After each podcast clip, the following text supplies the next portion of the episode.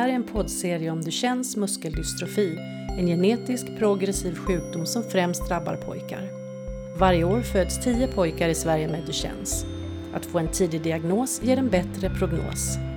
I serien möter du läkare och experter på Duchennes muskeldystrofi och patienter och anhöriga som lever med sjukdomen. I det här avsnittet träffar du Robert Sten från Oslo som är pappa till Mats som hade Duchennes muskeldystrofi. Roberts berättelse handlar om att omvärdera sina egna föreställningar och om stark vänskap och samhörighet på nätet. For Mats så var dette kanskje det viktigste elementet i hans liv. Mats opplevde vennskap, kjærlighet, å være verdifull. Dette er jo fundamentale elementer med det å være menneske og det å være eh, et levende menneske og leve et liv. Eh, så for Mats så var dette som alternativ, eller i tillegg til familien, så var det den verden han levde i. Så det betydde alt for Mats. Mats føddes med Duchennes muskeldystrofi. Når fikk han diagnosen? Mats er født i 1989, eh, og diagnosen fikk vi like før han fylte fire i 1993. Og det var nok en ganske for oss som for veldig mange foreldre, sannsynligvis alle foreldre som får denne diagnosen for sine sønner, en dramatisk, sjokkerende beskjed å få. Eh, så også for oss, selvfølgelig. Så dette var en eh, diagnose som vi ble kjent med da han var fire, og som vi måtte leve med så lenge Mats var sammen med oss. Hva såg ni før symptom da han var liten? Før han var fire, så så vi at han valgte det vi kalte for andre strategier i leken. Han var ikke med når de andre barna løp. Han eh, likte ikke å klatre i trapper. Han eh, var ikke så aktiv som andre. Han var eh, litt stillesittende. Dette var noe vi ikke skulle bekymre oss for, sa legene her i Norge til oss. Det var nok bare det de kalte for senmotorisk utvikling. Men vi var førstegangsforeldre, vi var i midten av 20-årene. Eh, vi var bekymret. Og vi forfulgte da denne bekymringen i en års tid før vi fikk diagnosen da Mats var fire. Og han fikk en lillasyster ganske tett innpå også. Hvordan var deres relasjon? Den var vel som veldig ofte lillesøsteren til Mats, Mia. Hun er 15 måneder yngre enn Mats. Og eh, som jeg ofte sier, hun var nok som lillesøstre flest. Hun ble veldig fort en storesøster. Det er jo sånn det er med jenter og gutter i den alderen. Så de var tette både i alder og i nærhet og i vennskap og i kjærlighet. De hadde en veldig nær eh, relasjon. Hun ble jo født to år før vi fikk diagnosen til Mats. Og Mats tykte om å spille. Han var en del av gaming-communityn. Ja, i hvert fall når han ble en sånn åtte-ni-ti år. Da er vi på slutten av 90-tallet. Da begynte Gameboyer eh, å bli populære blant barn. Man oppdaget eh, verden til Donkey Kong og Luigi og Super Mario, rørleggerne.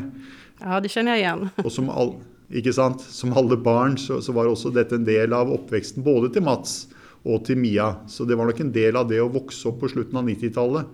Så kom eh, en del av de store, kalde kall det eventyrfilmene. Eh, 'Lord of the Rings' eh, kom eh, akkurat i år 2000-2001. Internett hadde begynt å ta fart. Båndbredden var begynt å bli stor. Og gamingverdenen begynte å bevege seg inn i internettverdenen og til PC-ene og computerne til barn og unge rundt omkring i verden. Og akkurat i den målgruppa så var også Mats. Så han ble en veldig ivrig gamer. eh, Og vi som foreldre lot han nok få lov til å game noe mer enn det søsteren gjorde pga. hans eh, muskelsykdom. Men ni som foreldre, ble ni urolige for at han egnet så mye tid åt spillende, både når han var yngre og sen når han ble eldre? Ja, vi var nok veldig klassiske, tradisjonelle foreldre. Vi var bekymret over at han spilte så mye. Vi var bekymret over at han spilte så sent på kvelden. Men vi tenkte at uh, hvis dette er den underholdningen som han kan få i hans situasjon med en muskelsykdom som på det tidspunktet hadde lagt sterke begrensninger på hva han kunne gjøre i den praktiske verden, så så vi litt gjennom fingrene. Hans søster derimot fikk ikke lov til å game så mye. Da var det maksimalt to timer hver ettermiddag, eh, og aldri sent på kvelden, for hun skulle jo på skolen dagen etter. Så vi var litt forskjellige i våre regelsettinger eh, med de to barna. Men berätta, sen upptäckte ni at det var en annen verden som hadde åpnet seg på nettet for Mats. Den store oppdagelsen av at han hadde en alternativ verden, den fikk vi faktisk etter, ikke før han hadde gått bort. Mats ble 25 år gammel. Han døde den 18.11. i 2014. Og eh, når han gikk bort, så eh, skrev vi på en blogg han hadde, om at han hadde gått bort. Og så la vi igjen e-postadressen til oss i fall det var noen som ville ta kontakt med oss. For vi visste ikke uh, om han hadde noen nære venner i denne gamingverdenen på det tidspunktet. Men da begynte mailer å komme fra hele Europa. Da fikk vi sterke historier fra mennesker som opplevde at vi hadde hatt et nært og sterkt vennskapsforhold til Mats gjennom mange år. Og jeg begynte å forstå at det var noe mer her enn bare gaming og gamingvenner. Så etter noen dager så spør de oss om hva vi tenker om at de kan komme til Mats sin bisettelse når han skulle bisettes her i Oslo den 28.11. i 2014. Og de åpnet vi for. Disse menneskene han hadde gamet med, de la da penger sammen eh, i en felles pott for at de som kunne og ville reise til Oslo, kunne få penger til flybilletter og hotellopphold i Oslo. Og da kom det mennesker fra Nederland, fra England, fra Finland, fra Danmark og fra her i Oslo. For å være med på sin venns bisettelse, til tross for at de aldri hadde truffet han i den fysiske verden. Og det var nok først da som jeg begynte å forstå at denne gamingverdenen som Mats hadde vært en del av i nesten ti år, var mye, mye mer enn det jeg hadde sett når jeg bare så ryggen på Mats og skjermen som han satt foran. Det var nok den første opplevelsen jeg hadde. Så har jeg brukt mye av tiden etter november 2014, altså de siste seks årene, så har jeg brukt mye av den tiden på å bli kjent med de menneskene som Mats traff i denne gamingverdenen. Jeg har brukt mye tid på å forstå hva det er som foregår i denne rollespillverdenen som de var en del av. Og det har nok gjort at jeg tenker i dag på gaming på en helt annen måte enn det jeg gjorde før Mats gikk bort. Hvordan tenker du i dag kring gaming? Nei, jeg tenker nok på en helt annen måte i forhold til den digitale arenaen som særlig våre barn og unge tilbringer så mye tid. I bisettelsen til Mats så kom det som sagt mennesker fra forskjellige land. Eh, den eldste som kom, het Anne. På det tidspunktet, i 2014, så var hun 62 år gammel. Hun var nesten 40 år eldre enn min sønn. Hun var utdannet organisasjonspsykolog og drev med headhunting i EU-systemet i Brussel. Hun setter noen ord på dette som jeg ikke hadde tenkt på. Hun sier at uh, i den digitale verden så ser du ikke alder. I den fysiske verden så kunne ikke jeg vært venn med Mats. Hva ville mine granner sagt om jeg hadde hatt en venn som var 20, nei, 40 år yngre enn meg? Det lar seg rett og slett ikke gjøre. Men i den digitale verden så synes ikke alder. Der synes ikke hudfarge. Der synes ikke handikap. Der synes ikke etnisk og religiøs bakgrunn. Der synes ikke klær. Der synes ikke makeup og sminke. Det eneste som egentlig synes over lang tid, det er dine verdier. Det du bærer i ditt hjerte, og dine tanker, hvem du virkelig vil være. Så hun kalte, Anne kalte den digitale arenaen og den digitale verden for en mye renere og virkeligere verden enn den fysiske verden som hun befant seg i når hun drev med headhunting og lederrekruttering i EU-systemet. For da var det mye på Lotsas. Det var mye som var forutbestemt. Klesdraktene var eh, vel designet og regissert. Så hun mente faktisk at mye av det vi opplever i den fysiske verden, er en mye mer fake verden enn den verden som man opplever på nettet. Og det var en historie jeg hørte fra flere og flere, ikke bare fra Anne på 62, men også av andre som har opplevd og sagt noe av det samme. Den verden vi opplever i den digitale arenaen, er en sterkere og virkeligere og renere verden enn den verden som vi opplever kanskje til daglig i den fysiske verden. Så jeg har fått en del andre dimensjoner, litt andre måter å se de digitale vennskapene og de digitale arenaene på eh, gjennom mitt samvær med disse vennene som Mats fant der ute gjennom over ti år med online gaming. Hvilke flere venner hørte av seg? Det var eh, en av de kanskje mest rørende opplevelsene som jeg fikk etter at Mats var gått bort, var knyttet til en ung kvinne fra Nederland Hun heter Lisette og bor i Breda. Eh, allerede da Mats var 18, eh, så begynte han å snakke om at han hadde truffet ei jente som var noen måneder yngre enn ham, og hun var fra Nederland. Hun skrev en bok sammen med Mats, hvor de skriver et kapittel hver, og så sender de til hverandre, og så skriver de nye kapitler, og til slutt så ble det en hel bok. Hun sendte fødselsdagspresanger til Mats, CD-er, det var den måten vi hørte på musikk på det tidspunktet små kort, vykort, små brev. Så for meg så var hun kanskje den eneste fysiske, ordentlige vennen, fordi hun sendte fysiske ting til Mats i posten. Så jeg visste at hun eksisterte. Og jeg snakket litt med Mats, og jeg så at han ble litt sånn pinlig berørt når jeg snakket om det. Litt på samme måten som når jeg snakket med hans søster om hennes fysiske guttevenner, så ble Mats også uh, emosjonelt berørt når jeg snakket om Lisette. Så jeg forsto at det var noe mer enn bare et vennskap som eksisterte mellom de to. Så syv-åtte år, syv år etter at de begynte å skrive bok sammen og sende hverandre pakker, så går Mats bort. Og en av de som jo skriver til oss etter at jeg da har meddelt dette på bloggen til Mats, det er Lisette. En av de som kommer til bisettelsen her i Oslo 28.11. i 2014 er Lisette. Og jeg spurte Lisette på et litt tidligere tidspunkt, noen dager før, om hun orket å være en av de seks som bar Mats sin kiste ut av kirken den siste reisen som han hadde. Og det ville hun, så det var den første gangen hvor de var fysisk nærme hverandre. Men da hadde de altså opplevd åtte år med et ganske sterkt av og på kjærlighetsforhold, forelskelser, hat fordi at man har gjort hverandre ondt, fordi man har skuffet hverandre. Så den emosjonelle biten som vi ofte opplever i ung kjærlighet, opplevde Mats med Lisette, og de treffer hverandre da første gangen når hun bærer hans kiste ut av kirken. Det var en sånn sterk opplevelse. Lisette er i dag en av mine gode venner. Jag läste i bloggen också som Mats hade. Han skrev med mycket humor och värme. Han berättade om en episod där han dansade med rullstolen på ett bröllop och han var lycklig. Han skrev också om sina funderingar som ung vuxen. Skulle han träffa en flickvän? Skulle han få barn i framtiden? Da vi fikk diagnosen for Mats da han var fire, så tror jeg nok at uh, våre reaksjoner som foreldre var veldig klassiske i forhold til Duchenne-foreldre. Min store frykt var at Mats aldri skulle få lov til å oppleve vennskap. At han ikke skulle få oppleve kjærlighet. At han skulle aldri få oppleve å sette spor etter seg i andre menneskers liv. At han aldri skulle få barn. At han aldri skulle spille fotball, for fotball var det jeg som spilte. Eh, og da er det naturlig at man kanskje også ønsker at sine barn skal gjøre det samme som foreldrene gjorde. Alt dette var sterk frykt som vi opplevde. Jeg tror nok at Mats også hadde sine savn i så måte.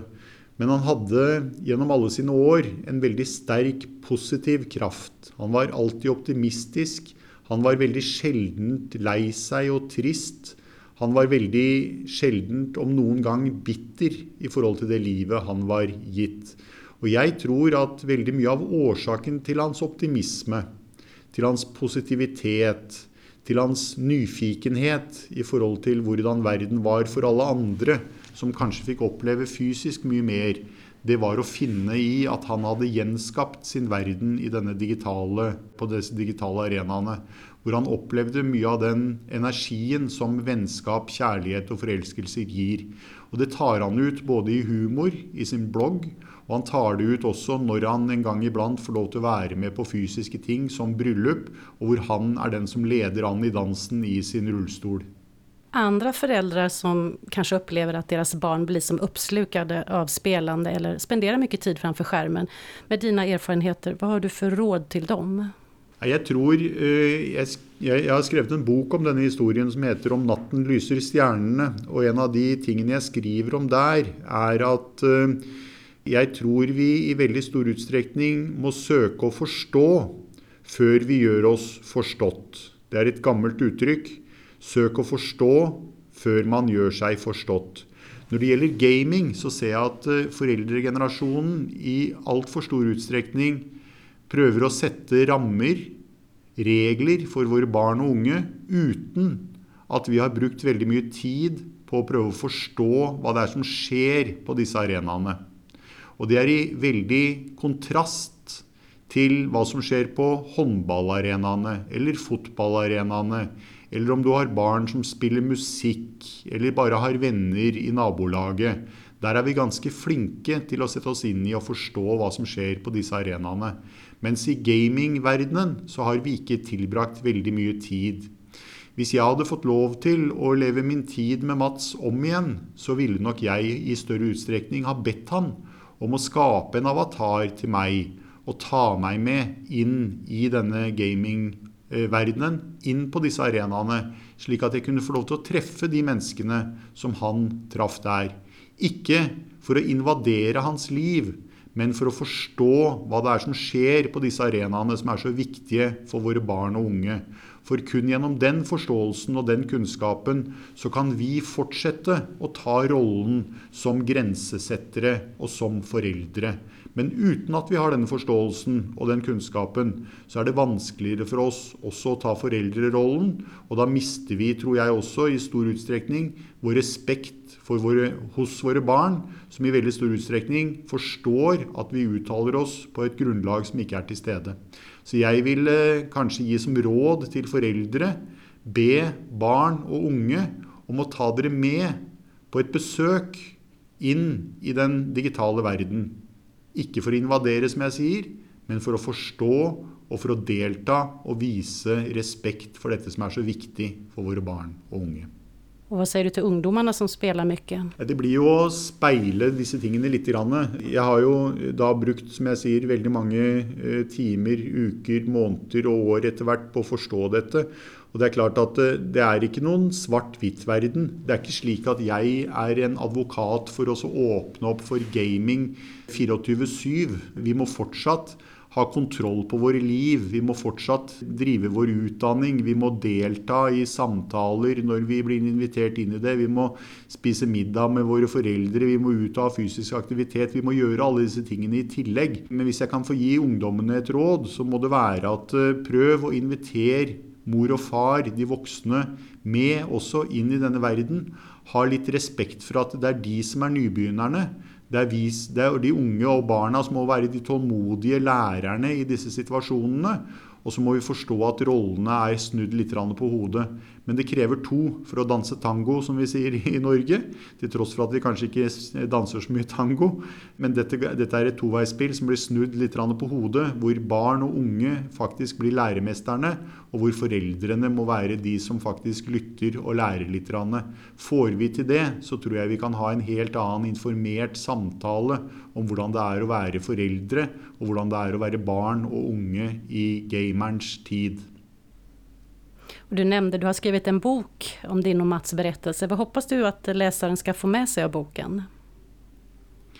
Det er jo flere dimensjoner i denne boken. Hva er et verdifullt liv? Kan man ha relasjoner til mennesker man fysisk aldri har møtt? Dette er jo en del sånne fundamentale spørsmål jeg tar opp. Så er det generasjonsfrågen. Har vi som 50-åringer, 40-åringer, 50-åringer i dag tatt att hva gamingverdenen og digitale verden for den neste generasjon virkelig består i. Og så er jo min fråge på en måte ledende, sånn at man forstår jo hva jeg egentlig mener om det. Og så er det selvfølgelig også en bok som handler om hvordan er det å være en far til en gutt som skal måtte leve et veldig begrenset liv, og kanskje også et forkortet liv. Mats ble 25 år gammel. Jerome og lord Ibelin det var Mats huvudkaraktärer i spelvärlden. Mm. Mats skrev jo, som du er inne på, en blogg. Og han skriver om eh, sine to hovedavatarer, eh, Jerome og Ibelin, at eh, det som er så fantastisk i den digitale verden, er at vi alle inntar en fantastisk kropp. Så alle ser fantastisk ut. Dermed så er det ingen som er annerledes. Sånn var det nok også med både Jerome og Iblin. Iblin var en stor, muskuløs mann med langt hår bundet opp i en hestehale. Jeg har blitt fortalt av Mats sine venner at hver eneste dag når Mats logget seg på med Iblin som karakter, så startet han dagen med å løpe. Han løp mellom 30 og 45 minutter hver eneste dag ute i skogen rundt et stort vann. På den måten så følte han hvordan luften blåste i håret hans. Så han følte luften i håret. Og dette er jo noe som, siden Mats måtte sitte i rullestol fra han var åtte, eh, han aldri fikk oppleve selv. Men på den måten så fikk han faktisk en virtuell opplevelse av hvordan friheten med det å løpe og kjenne vinden i håret. Uh, Iblin var lord uh, av uh, bakgrunn. han hadde to foreldre som ble myrdet av en naboklan, som gjorde at Iblin allerede som femåring måtte flykte inn i byen Azeroth hvor han levde i bakgatene av søppel, som gjorde at han overlevde. Uh, før han da blir voksen. Han blir uh, sterk, han tar tilbake tronen uh, i lordskipet sitt. og dette er litt av den historien som da han bygger denne karakteren rundt. Han er en adelsmann. Han er en mann som man kan stole på, men han er også en kvinneforfører. Uh, også det å få høre etter at Mats Dag gått bort, at han gjennom avataren Ibelin har vært en kvinneforfører, er jo noe som gjorde meg som far litt stolt, for å være ærlig. Det var tydelig at han hadde også en sjarm og en humor og en uh, måte å uttrykke seg på som var attraktiv for kvinner i denne spillverdenen. Jerome, uh, som var den andre karakteren, er en cowboy fra Texas han er glad i alkohol, han er glad i en fest. Eh, han kan nok ikke stoles på like mye som Iblin. Og i denne karakteren så lever Mats ut andre sider av sitt liv eh, enn det han gjør gjennom Iblin, som er en mye mer rettskaffen mann.